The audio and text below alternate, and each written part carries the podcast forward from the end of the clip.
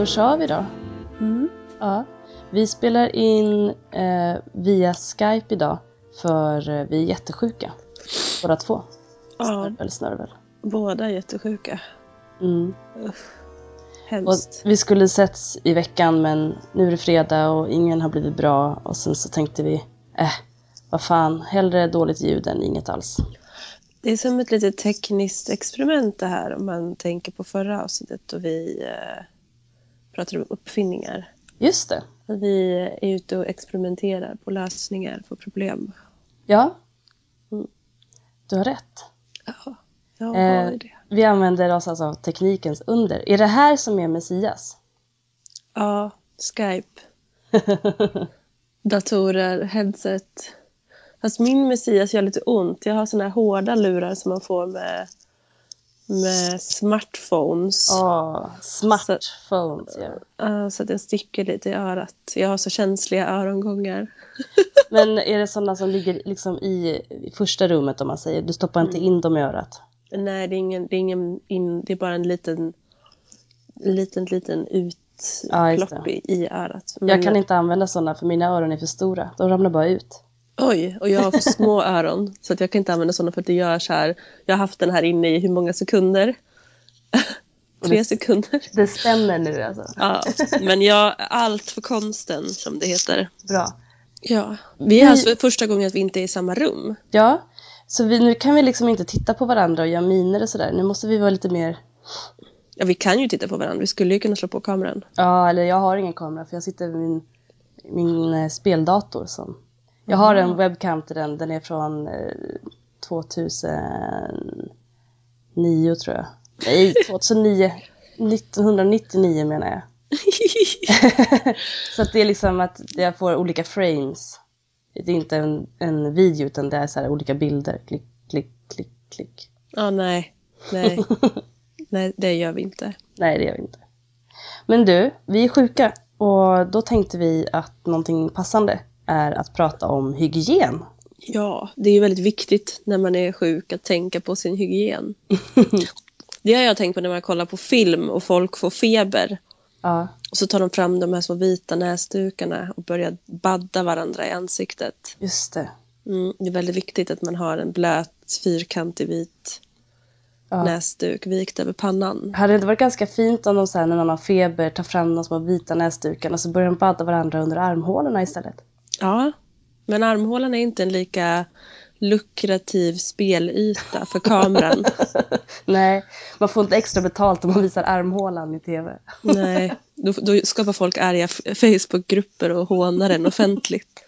Åh. Istället för att man får en massa skön, eh, skön medkänsla. Ja.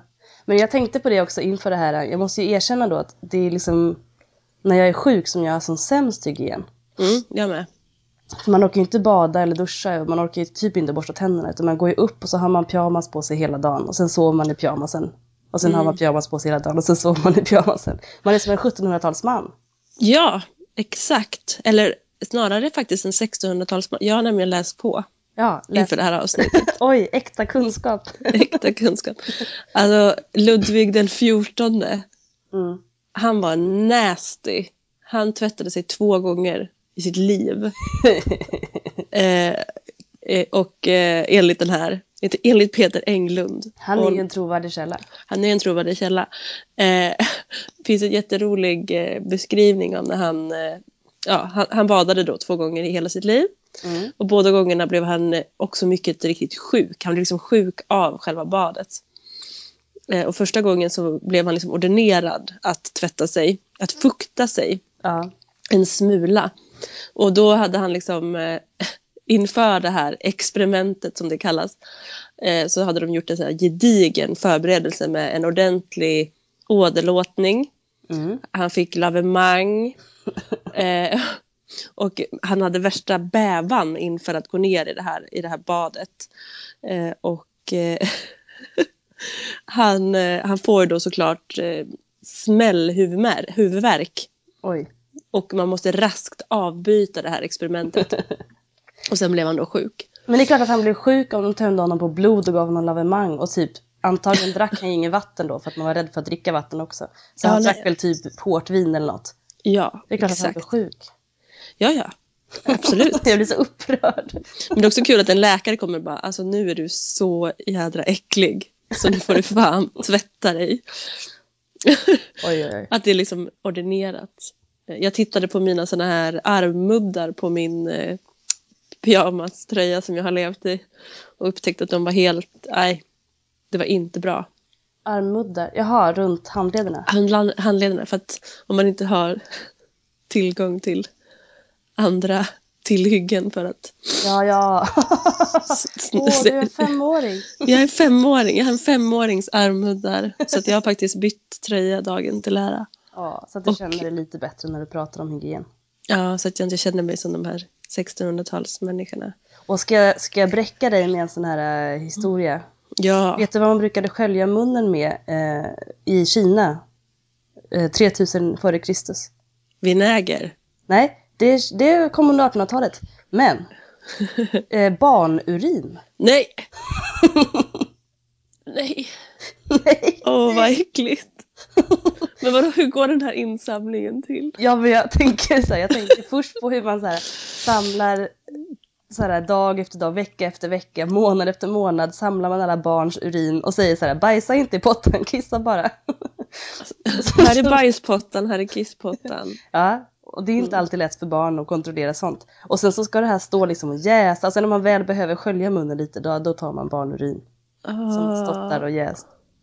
Men tror du de inte gjorde det istället för att borsta tänderna? Att så här, på kvällen så, tog Jo. man sig, så har man liksom en tunna Jo men så var det nog. och så tog man upp en kaffemugg porslin som de hade i Kina och så bara... Mm. Fasen. barnurin ur porslinskopp. Åh, äckligt. Eh, jag, jag har ju bara eh, Europa-äckel kan jag säga. Ja. Det är det enda, jag, det är det enda äcklet jag har. Det, ja, Ja, jag har mest Europa-äckel också. Vi ingår ju i en europeisk historietradition. precis. Och tyvärr har vi blivit indoktrinerade i den. Ja. Jag tänkte ju att jag skulle läs, läsa ett litet citat här ju. Ja, Eh, för det gamla Europa luktade illa, riktigt illa. Gatorna luktade spillning. Bakgårdarna luktade urin. Trapphusen luktade ruttet trä och råttlort. Människorna luktade svett och otvättade kläder. Ur deras munnar kom lukten av ruttna tänder. Floderna stank, torgen stank, kyrkorna stank. Det stank under broarna och i palatsen. usch. Men jag tror faktiskt att det här kanske är att han citerar den här boken Parfymen. ah, Ja, jag vet inte. Peter Engdahl. Pe- Peter Englund. Englund. Oj, oj, oj. Oj, oj, oj, jag sa fel. Oj, oj, oj, oj, oj. Smisk på fingrarna. Ja. Om stank och lukt i historia. Ja, nej, men han går väldigt in på det här med att det är så svårt för oss som lever idag att eh, ha en begreppsvärld, alltså förstå Mm. hur, hur det luktade och vad som luktade, hur man uppfattade lukt. Och, men det han går in på är att lukt är väldigt, väldigt viktigt. Mm.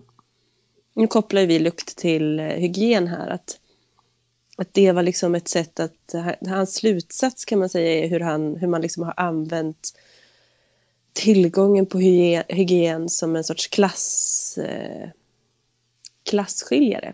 Ja. Eh, faktiskt. Men vad, vad, vad var då god hygien? Alltså, Alltså man kunde, om, väldigt mycket handlar ju egentligen om att dölja. Ja, precis. Att man har tillgång på alla de här tjusiga eh, grejerna. Som man, eh, Pudret. pudret, parfymen och eh, att man kan också byta underkläder. Kommer man ju på. Att man, så länge man, en 1600-talsmänniska ansåg ju att det var, man började ju torka sig då.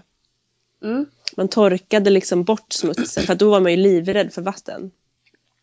Jag har hittat citatet för det, eller det, där jag har fått reda på att man var rädd att det skulle krypa in i porerna, vattnet. Ja. Eh, det går ju så långt. Börjar, hygienen i Sverige blir, eller i, i Europa blir sämre med kristendomen. Mm. Det är intressant. Det, Det är är, intressant. verkligen eh, tydligt. Mm. Man börjar ju hata all form av kroppskontakt med andra och sig själv. Ja. Den nakna kroppen var skamlig och den skulle alltid döljas. Ja, Eh, och i en värld där också vattnet var det mest besudlade Mm. eh, så var det klart att man inte såg vatten som någonting rent. Utan det var i vattnet man slängde sina sopor och sitt bajs och kiss och sina lik av hundar och katter och liknande. Ja, det är bara vidrigt liksom. Mm.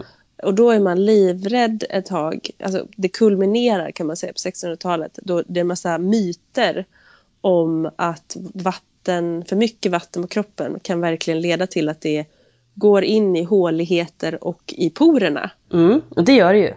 Ja, det sipprar in och så drunknar man inifrån och dör. Man fylls av vatten. Just det, man kunde, ju, man kunde ju drunkna inifrån om man också sov med huvudet platt. Längs, Mm. Alltså om man sov platt, man var tvungen att sova upprätt eller liksom snett sittandes. Man Ja. ska ju liksom inte fucka upp allt det här med vätskorna. Det är bad, bad, bad. Mm. Eh, men eh, lukt verkar också vara någonting som återkommer genom historien. Lukt av, alltså oren lukt och, och så. ja. Alltså, du sa någonting om kyrkorna och det tyckte jag var spännande. Ja, det finns en bok som eh, när jag hittar den kan jag lägga ut det på Facebook. Eller, Eller så har vi bara hört det någonstans. eller så har vi bara hört det. Jag har hört förra Mm. sommaren när jag hade stadsvandringar så hörde jag eh, en kollega som beskrev hur extremt vidrigt det var i kyrkorna. Det är ju liksom ett så här, det här heliga rummet där det är så här andligt och bla bla bla. Mm. Men de facto var att på 1600-talet eh, och är säkert även på 1500-talet så var ju kyrkorna ganska små och trånga Mm. i, Sverige i alla fall. Eh, och folk var ju så jäkla fulla hela tiden. för att man fick ju inte dricka vatten för det var ju livsfarligt. Och, och på lördag, så, det var ju en, var det en ledig dag då? Nej, man jobbade på lördag också. Man jobbade på lördag men sen så tror jag faktiskt att man kunde få lite sovmorgon där på söndag. Så på att man, söndag. man, och sen hade man ju jobbat en hel vecka så att man Mm. festade säkert till fast det gjorde man säkert, alltså det var lite lördag hela veckan liksom. Ja. Eh, så man skopade i sig med sin lilla brännvinssked Mm. och vaknade upp eh, sådär som man gör efter att man har druckit och mådde appiss. Japp. Då gick man till kyrkan med alla andra människor som mådde lika dåligt. Man vaknar väl antagligen när kyrkklockan ringde. Och då Mm. hoppar man upp ur sängen och går till kyrkan och så har man pyjamasen på sig under sina kläder. Mm. Mm. Man har liksom bara kravlat upp och i det där som ligger närmast. Japp. Eh, vilket är oftast det enda man har. Eh, och sen sitter man... Jo, men jag tror faktiskt att de hade inrättat kyrkbänkar. Men det- i många kyrkor fanns ju inte heller kyrkbänkar. Nej. För det var jordgolv. Man Och satt där- på bänkar längs med väggarna ofta. Ja, Män på en precis. sida och kvinnor på en annan. Och sen så i, eh, i, även i ordning av vem som var finast. Liksom. Ja. Folk slogs ju. Det finns ju också så här att folk är så fulla så att antingen kräks man eh, eller så sover man eller så slåss man. För att det är väldigt så eh, rangordning i kyrkan. Och man, Mm. Vissa platser är liksom värda olika så. Så att man, många, framförallt var det tydligen eh, kvinnor som spöade på varandra. För att det Men var, det var- Jätte, jätteviktigt. Det Ja. var liksom deras enda sätt att eh, framhäva någon form av eh, social ställning. Ja, och det var ju också, alltså, det var i kyrkan man träffade alla i byn. Så of- Mhm. Om det inte var bröllop eller någon annan liksom stor fest. För det mesta så jobbar man ju bara, sen så kanske man träffar sin granne så, men att träffa alla, det var ju oftast i kyrkan bara man gjorde det. Och då, då kom ju allt det här ut som man har gått och burit på. Ja. Så det var ju liksom en blandning mellan fritidsgård och Facebook eller Mm. någonting. Ja. För alla människor. Precis. Och alla var bakis. Alla var bakis, alla satt och spydde. Och det fanns också en massa djur i kyrkan. Eh, Alla vildhundar, det var liksom en fristad för allt och alla och de sprang runt och sket där inne. Så att det, det beskrivs som att det luktade helt avgrundsvidrigt med alla de här smutsiga kropparna, allt kräks och allt bajs Ja. som låg i det här inom situationstecken heliga rummet. Och i det rultade det kvinnor runt och slog, spöade upp varandra liksom. Lite halvgroggy. Efter gårdagens Och prästen ska ju predika då, så vad pratar Ja. prästen om? Och det här är ju också under 1600-talet, precis, det är ju det är stormaktstid. Det är, allmänt dålig stämning eftersom att folk dör som flugor i olika krig som Sverige bedriver. Och eftersom att Sverige, det gick inte så bra. Liksom. Alltså det gick ju bra en stund men sen så Mm. började det ju gå käpprätt eftersom att pengarna tog slut och människorna Ja. tog slut och allt blev dåligt. Och det var ju inte kungens fel, nej nej, utan det var ju de här, de här fulla stackarna som satt i kyrkbänkarnas fel. Gud var ju arg på dem Ja, enligt och prästen. Så att, straffade oss mm, för deras precis. syn- synder. Mm. Så att man, man utkrävde så här böneveckor då människor inte fick arbeta. De skulle bara sitta och be för att vi skulle minst få tillbaka Preussen eller något annat skit som vi hade tagit över eller förlorat eller så. Eh, så då satt ju alla då i de här vidriga rummen och, och bad Åh, herregud. och hoppades att vi skulle vinna eller att någon skulle, ja. Ja. Så att eh, det var en, eh, det var en eh, fruktansvärd tid. Vad spännande. Alltså, Ja. det, det finns ju så mycket med kyrkorna som man inte riktigt vill... Så tänk, eller man tänker att kyrkan är liksom ett helgat rum, det är vackert, det, det ska luk, lukta så där liksom gamla träbänkar och stenputs typ. Eh, och sen så, om det är en kyrka med reliker, ja men då förstår man att det luktar lite unket, men annars är det inte så konstigt.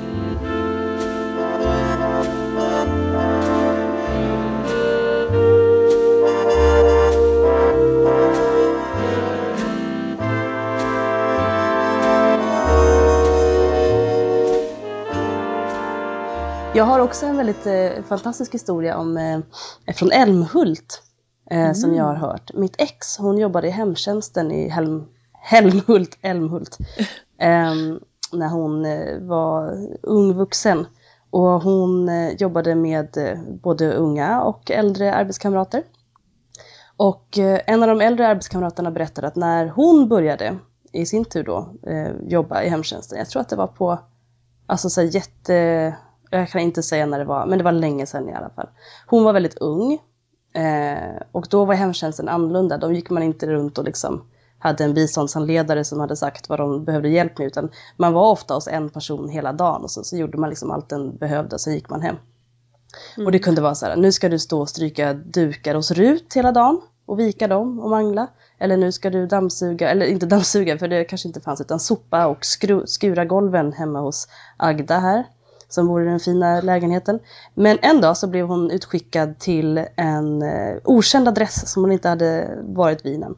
Och hon fick låna en cykel och hon fick en liten nedplitad karta på en lapp och så sa de följ dit och sen in på stigen där och sen ser det en stor tall och sen så är det ett litet hus där. Och där bor en gammal gumma som du ska hjälpa idag. Och hon var så här, jaha, ja ja, det blir ett, ett nytt möte. Så hon kommer dit, hon cyklar, hon hittar till slut och sen så liksom när hon kommer fram så ser hon att det är inte ett hus, det är liksom en jordkula. Oh my god. Det är liksom en, en gammal, gammal gumma som bor i en liten jordkula i skogen. Alltså typ en hydda nergrävd i en grop i marken med en liten dörr och en liten eh, eldstadshål i taket. Eh, och hon liksom knackar på den här hemmagjorda dörren. Och då öppnar en liten gumma med huckle och liksom en liten hemmagjord käpp. Eh, och säger välkommen, välkommen. Och så här, ja, vad kan jag stå till tjänst med? Ja, du, du kan sopa golvet. Men det är ju ett jordgolv. vad, vad- vad ska jag ta bort? Ja, vad ska, jag, ska jag putsa barren på taket? Oh my god. Så de hängde, hon kokade kaffe och kokade fläsk och eh, tog bort lite kottar ur sängen och, och, la Vad på gumman. Ja, fast hon, hon mådde bra. Ja, fast tänk, Ja. jag tänker att det här kanske inte var typ en sen kväll i november. Nej, Utan Det det här var en, sommaren antagligen när hon sommarjobbade. ja, en solig dag i juni liksom. Ja, och gud ja. Ja. bara, bara ved. Alltså, sen, sen är ju grejen också, alltså många citationstecken gamla gummor och gamla gubbar Ja. var ju inte alltid så gamla utan de var bara jävligt slitna. Alltså, ja. Den här tanten hon kanske var i 60-årsåldern. Den såg ut att vara 95 liksom. Mm. Och var som 95 i hennes kropp för att hon har slitit så hårt och så. Man vet inte riktigt. Återigen en eloge till Berta Krämars Ja, 80 bast på 1600-talet. Ja, jag vill bara flika in det. men det är bara häxor som blir gamla, det vet du. Det har ju med trolldom att göra. Ja, precis. Det var ju uppenbarligen någonting jäkligt skumt med henne. Ja. Eh, ja, nej. Det var ju det här man ville sopa bort i Lort-Sverige. Ja, gud ja. Ja. Det här som skulle... Eh, men den här reningen, eh, eftersom att jag då återgår till min lilla text här, för att Lort-Sverige var ju liksom så här vår, vår civilisations sätt att göra upp med ja, de Under stackars, 30-talet. ja, de, dessa, dessa små jordkulor ska bytas ut mot eh, eternitplattor och Mm. Fina luftiga lägenheter med... Ja, alla ska, gå, alla ska bada nakna och, och vara friskus. Ja. Du sa ett jättebra ord förut. Vitalism kallas det för. Vitalism, ja. Vitalismen drev ju den här ungdoms... Eh, liksom den unga friska kroppen som rör sig, som är naken och, och, vit såklart. Det, är ju, handlar ju, om- det är väldigt rasistiska idéer ofta. Det här Ja, det- går ju hand i hand med nazismens idé om eh, liksom, de höga raserna. Ja Hitlerjugend, Ja. ut och karva. jag ser framför mig hur de karvade saker, jag vet inte varför. Precis. Men Eh. eh, det var ju, man kan ju säga så här i efterhand att jag är ganska glad ändå att, att det finns lägenheter att bo i, att jag inte behöver bo i en jordkula. Jag med, faktiskt. Väldigt glad. Ja. Eh, och idéer om, alltså, om ren, renhet, jag har faktiskt ingenting emot renhet, att, vara, att känna sig ren och fräsch.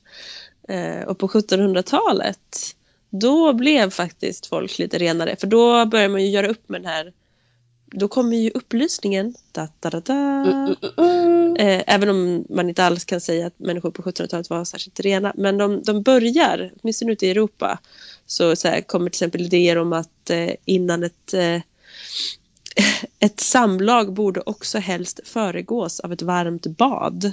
Just det. Och, fast man kan fortfarande sätta sig och typ så skita i hörnen när man har eh, middag. Ja. Man har inte alls samma rädsla för, eh, för att gå på toa framför folk. Det är ju det var någonting ju som kommer naturligt. med 1800-talets borgare som blir så livrädda. Ja. Innan dess så, ja det finns en jätte så här skön beskrivning av hur då såklart Ludvig den 14 sitter och äter sina 12 rättersmiddagar eftersom att han hade typ dubbelt så lång tarm som en vanlig människa. eh, så sitter han och typ käkar och skiter och alla hans hovdamer och hovherrar sitter och bara typ applåderar och så här. Jajamän! Han sitter typ på sin toalett och äter och bajsar Ja, har- samtidigt. Ja. Det här hände min bror när han var liten. Oj, jag kanske inte ska säga det. Jo, men jag har, vi har en väldigt rolig hem, eh, familj, eh, familjefilm eh, som vi brukar kolla på. Är det på film också? Ja, där är det så här, jag står, Anton, gud nu outar jag min bror. Ja, men han var bebis. Eh, han sitter i en så här vit eh, barnstol vid bordet. Vi har en så jättefin typ midsommarmiddag ute på någon gräsmatta. Och Anton sitter där gullig och naken i solen och äter någonting och stoppar, stoppar i munnen liksom. Och sen så film, filmar de honom så står jag liksom bakom och tittar ner i hans stol. Och så frågar pappa, vad, vad tittar du på Freja? Det kommer ut där. och, så, och vad kommer ut? Bajs!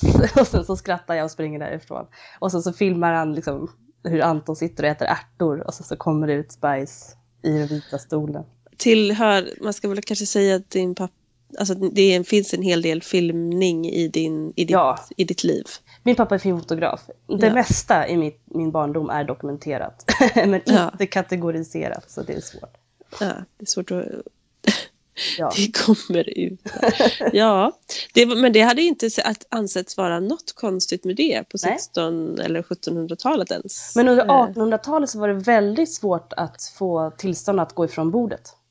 Ja, då skulle man bara hålla sig. Ja, och det, alltså, det, det hände ju att människor faktiskt dog för att de höll sig för länge under långa middagar med så här 16 rätter typ. Det hände också att man fick eh, svår uttorkning för att man fick bara dricka när någon skålade med en. Och hade man låg rang och ingen skålade med en så kunde man sitta där med så sex glas framför sig och inte ha fått dricka någonting under hela middagen. Det är så sjukt. Ja. Alltså, alltså dessa etikettregler. Så man visste så här när man fick en inbjudan till hertiginnan så fick man liksom Bunkra upp. ja, dricka mycket vatten, kissa, bajsa innan, vara redo liksom. Det var då man skulle göra de här lavemangen. Mm. Som, eh, inte åderlåtningen kanske, men lavemangen i alla fall. Ja. eh, Som Ludvig fick göra. Men jag hittade en, eh, en historietidning. Jag läser väldigt många såna här löjliga historietidningar med lite eh, populärhistoria. Först och främst vill jag veta, vad är det på framsidan? Är det, Oj, är det Adolf Hitler eller är det Napoleon? Ja, det brukar, nu är Ka- Katarina den stora faktiskt. Ett golden edition, det är en Ja. kvinna på framsidan. faktiskt två kvinnor. Eh, för det är även en kvinna på eh, som reklam för den här artikeln då, tandkräm, tvål, deodorant, historien bakom våra hygienartiklar som jag har läst. Eh, det här då, är ett väldigt påläst avsnitt känner jag. eller hur? Men det är för att det är så himla kul att läsa om det här, man blir så fascinerad. Renhetens äckliga historia kallar de det här. Eh, men min favoritdel i detta är att tydligen så har vi då matematikern Hypatia. Mm. Hypatia, hon sägs en gång ha kastat en menstrasa mot en man när hon blev arg på honom. Varpå han liksom i avskydd min sprang därifrån. Eh, så mens ansågs ju varit något, något väldigt, väldigt smutsigt. Och eh, oftast skulle man hålla sig inne när man hade mens. Ja, kristendomen hakar ju på det här rätt fett. Ja, Jag vet att Liv eh, citerar ju någon skön person som pratar om hur, vad som ska hända med olika växter och djur och hur orent det ska bli och allting som man sitter på blir bara orent och bla bla bla. ja. Men jag tycker det är ganska skönt att bara säga Hypatia, fan hon var ju bra innan men nu blir hon bara ännu bättre. Hon bara fuck off. Visste liksom att så här, det, här, det här är enda sättet att bli av med de där efterhängsna typerna. Man tar Men- sin menstrasa och kastar den i ansiktet. Åh.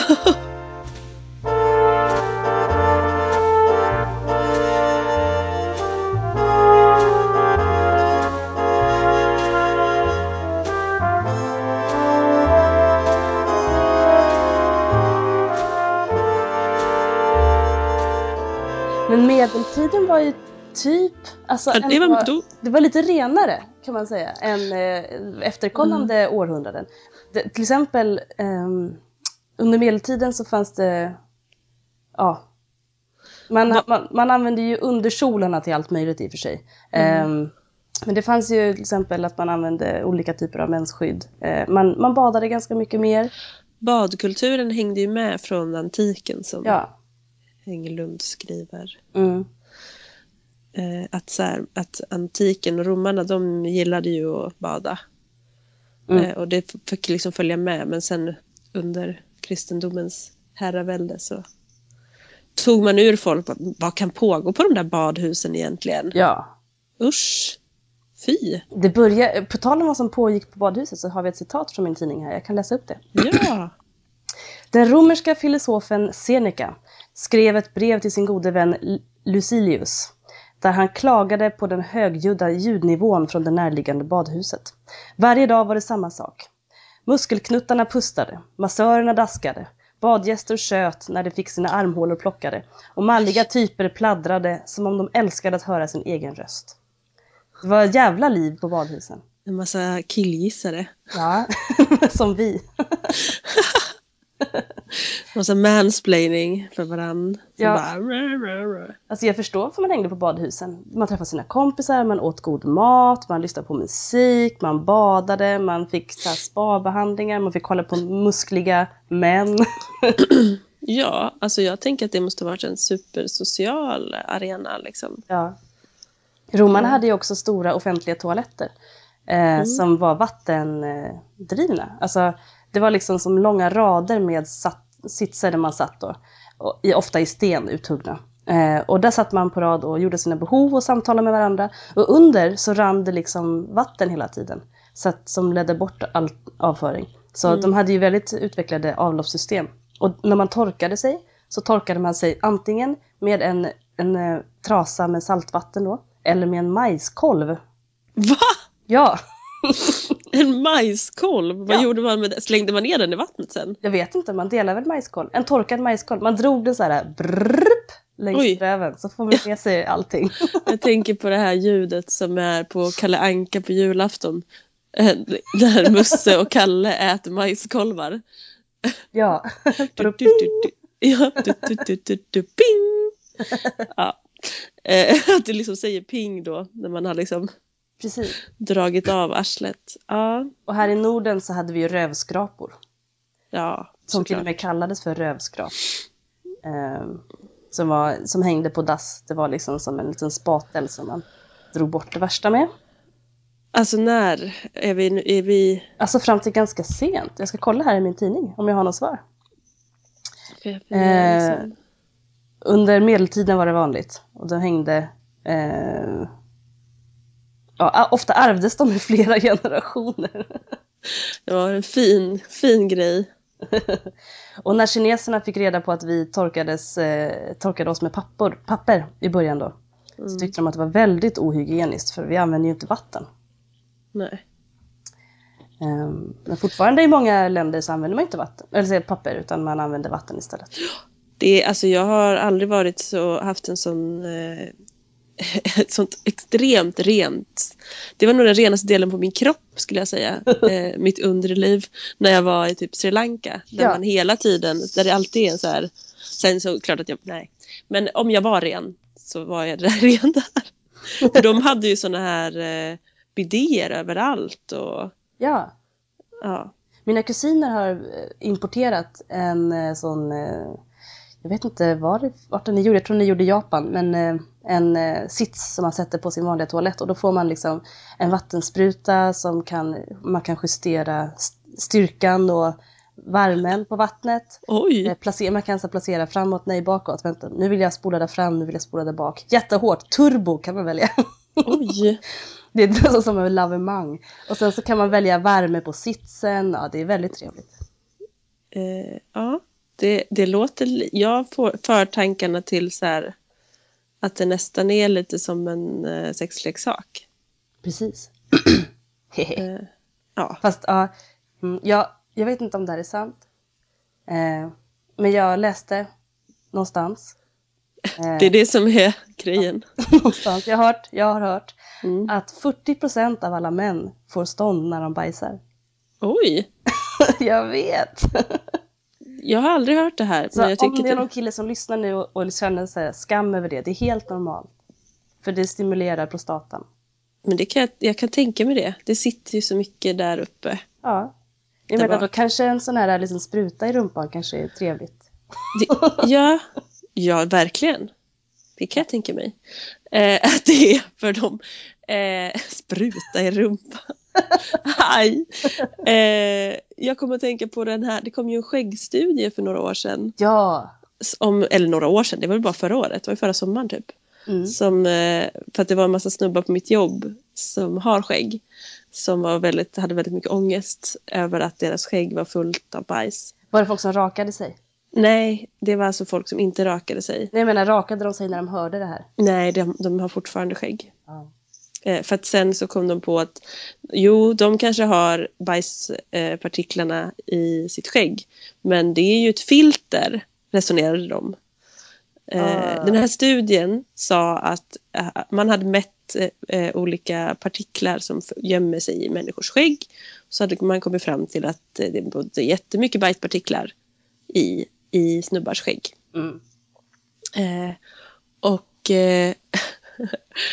Då fick män, män ångest. Mm. Men sen så svarade man ju på det då genom att säga nej, det är ju bara ett filter. Tänk alla ni som inte har skägg, ni andas ju in de här ja. bajspartiklarna. Ja, och vi får det ju på huden också. Ja. Eh, jag säger som, eh, som jag alltid brukar säga att renhet är en illusion. Världen mm. är jättesmutsig. Eh, brukar jag säga. Ja, eh, det, det, det är bra sagt. Smuts, smuts finns all around. Jag har ju några favoritexempel. Alltså 1700-talet var ju det äckligaste. Men det var också kanske de som försökte mest att liksom dölja smutsen. Eh. Utseendemässigt i alla fall. Men jag ja. har en favoritberättelse som jag brukar ta när jag eh, visar rokoko eller nyklassicism från 1700-talet på, på konstmuseet. Ja. Då brukar jag säga så här, kolla vilken fin sammetskavaj han har här. Han har på sig väldigt många olika lager med kläder, precis som kvinnorna hade. Man hade peruker, smink, eh, man hade olika kravatter och liksom, de här dyra tygerna som man hade var ju också ganska varma ofta. Sammet var ju väldigt varmt. Och det hade man gärna på sommaren ändå, man brydde sig inte om sånt. Och sen så under allting så hade man ju linnekläder i olika lager, eh, olika storlekar. Och närmst kroppen så var det många män som hade pyjamas, alltid. Oh, det är som mormonerna med sin heliga pyjamas. Ja, Oj, fortsätt. har de? Vi tar det sen. Ja, vi tar det sen. så de flesta män hade liksom alltid pyjamas redo under kläderna för att visa sin manlighet och sen vitalitet att kunna så här, rida ut i skogen och sova under en gran eller åka till en vän och sova över där eller man visste aldrig vart man skulle hamna på natten. Alltid redo att sova. alltid redo för sömn. Men man har alltså hittat skjortor som folk hade pyjamasskjortor med hål under armarna. För att det har ruttnat i armarna. Åh! Åh, vad äckligt. Ja, det är ganska äckligt. Alltså, då förstår man när det är liksom slemmigt, ruttet linnetyg under armhålan i så månader liksom. Åh. Jag tänker att det här ordet träck Ja. är, så, det är så bra. Det verkligen beskriver äcklet på något Ja. vis. Folk som slängde ut träck eller folk som gjorde sig av med träck från sina kroppar. Alltså det är ett sånt samlingsbegrepp för äckel som samlas, väller fram. Äckel helt enkelt. Men har vi pratat om hygien? Vi har egentligen bara pratat om äckel. Ja, fast alltså, apropå de här pyjamasarna, alltså att man torkade av sig smutsen mer på 1600, 1600 Mm. även en hel del på 1700-talet för att man var rädd för vatten. Ja. Eh, så det är ju... Varför var man rädd för vatten? Jo, för att vattnet ofta var smutsigt. Man drack ju inte vatten heller. Men det är Nej. precis som att katter inte dricker vatten nära sin mat. Mm. Helst så vill de ju dricka annat vatten. Alla kattägare vet det. Ja. Eh, Men vissa katter går med på att dricka vattnet i sin mat. Men det är tydligen instinktivt för att om de har dödat ett djur eh, Mm. och det finns vatten bredvid djuret så vill de inte dricka det vattnet för då kan det komma liksom bakterier från kadavret i vattnet som Det- kan göra den sjuka. Det är jättelogiskt. Superlogiskt. Ja. Eh, men alltså, som jag har fattat det så var det värre i städerna. Ja, det var det. Att, att på landet så kunde ju folk bada. Då var ju, och sen också de här galna idéerna om att vatten skulle läcka in i kroppen spred sig inte lika mycket ut på landet utan det var ju någonting som vis, visslades och västes om in i städerna. Ja, Liksom. där människor hade tid att tänka. Ja, en massa borgarsvin sprang runt och Mm. spred rykten till varandra. Medan på landet så var det mer så här, jag är varm, jag går och badar. Det, det, man kunde bada i en sjö, liksom. det var inga, det var no probs om man var bonde. Liksom. Eh, låter ju idylliskt men det var ju säkert för jävligt Om man också. inte lydde prästens råd att inte visa sig naken. Ja, men jag tror på något sätt att prästen kanske inte hade lika mycket makt ändå.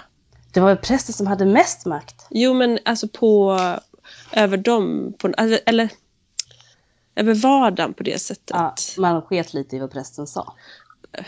Och jag tror också att så här, landsbygdspräster kanske sket lite i att man hade lättare att så här, talla lite, tänker jag, på Ja. reglerna. He- Jag ponerar det här, jag har hört. Ja, det har vi hört. jo, vi vet ju att de ofta såg mellan fingrarna så länge de fick sin ost. Ja, och så, Precis. så länge det inte var allt för många eh, o, äkta barn och så här. Så länge folk skötte sig något så när liksom. Ja. Så tror jag att man kunde talla lite på du får inte bada i sjön grejen liksom. Jag kan, jag kan, tiden börjar rinna mot sitt slut tror jag. Oj, Men, eh, vi jag kanske kan, bara kan prata om smuts nu. ja, men det inte gör, om hygien. vi har väl pratat om varför vi, liksom vad vi har undvikit med vår dagliga hygien idag.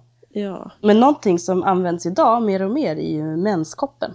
Ja, Och jag gjorde ett arbete en gång om menstruationsskyddens historia. Och tydligen så har menskoppen uppfunnits tre gånger. Oberoende av varandra. En gång under 1800-talet, en gång under tidigt 1900-tal och sen senare 1900-tal. Eh, olika delar av världen. Eh, olika utformning med samma princip ungefär. Men den första menskoppen, den var gjord av metall. aj. Aj. Och den fångade inte upp i sig själv utan den hade liksom ett rör som gick ut under.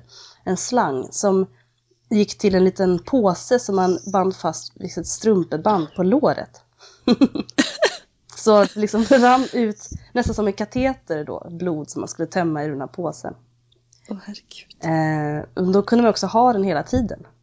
Forever, tills den rostade. Ah. Ehm, Men sen så den andra menskoppen, den var gjord av naturgummi. Ehm, Men naturgummi är ganska dyrt eh, och speciellt, den slutade tillverkades under andra världskriget när det blev väldigt mycket efterfrågan på naturgummi i och med alla bilar som började använda däck och sådär. Mm. Eh, Men sen så kom man på att man kunde göra en menskopp av silikon. Och Mm. det var ju bra, för det går att återanvända och det eh, är väldigt kliniskt. Mm. Ja, Menskoppen, en genial hygienartikel. du vill berätta en historia nu. Nej, jag kommer spara den Ja. om mina egna erfarenheter till när vi, har, vi kan ha ett självbiografiskt avsnitt Ja, någon dag. vi ha. Där vi pratar om oss och våran historia. Ja, vi har kanske alla obehagliga erfarenheter av menskoppor också. När vi kanske har använt dem på fel sätt eller kanske inte riktigt är byggda för menskoppens utformning. Men ingen ja, än har jag mött som har en så obehaglig erfarenhet som jag. Eh, to be continued Ja. med den storyn helt enkelt. Varning för känsliga lyssnare kan vi köra då. ja. Är du säker på att du inte vill berätta det nu? Jag är säker. Okej, Jag är säker. då låter vi bli. Ja. Eh, Ja, jag tror också att så här, tiden börjar lida mot sitt, sitt slut. Ja. Vi kan, det här avsnittet kanske ska heta smuts och så kanske ett annat avsnitt får heta renhet eller något. Så kommer det vara lika kul då? Renhet. Jag vet inte. Det finns ju, det är en illusion. Ja, jag menar renhet är också en reaktion på smuts. Exakt, exakt. Men vi får se hur det blir med detta. Det här är i alla Ja. fall eh, en, en start på temat Ja, igen. precis. Eh, Vi lyckas. krya på dig. Tack detsamma. Jag kanske lyck- ska ta ett bad nu för att bli lite extra ren och känna att jag kanske blir friskare. Men eh, gör nu ingen åderlåtning eller lavemang innan. Och om du eh, får huvudvärk så avbryt experimentet genast. Genast. Jag lovar. Jag lovar. Jag ska. Ja. Ehm, tack och hej leverpastej. Tack och hej leverpastej.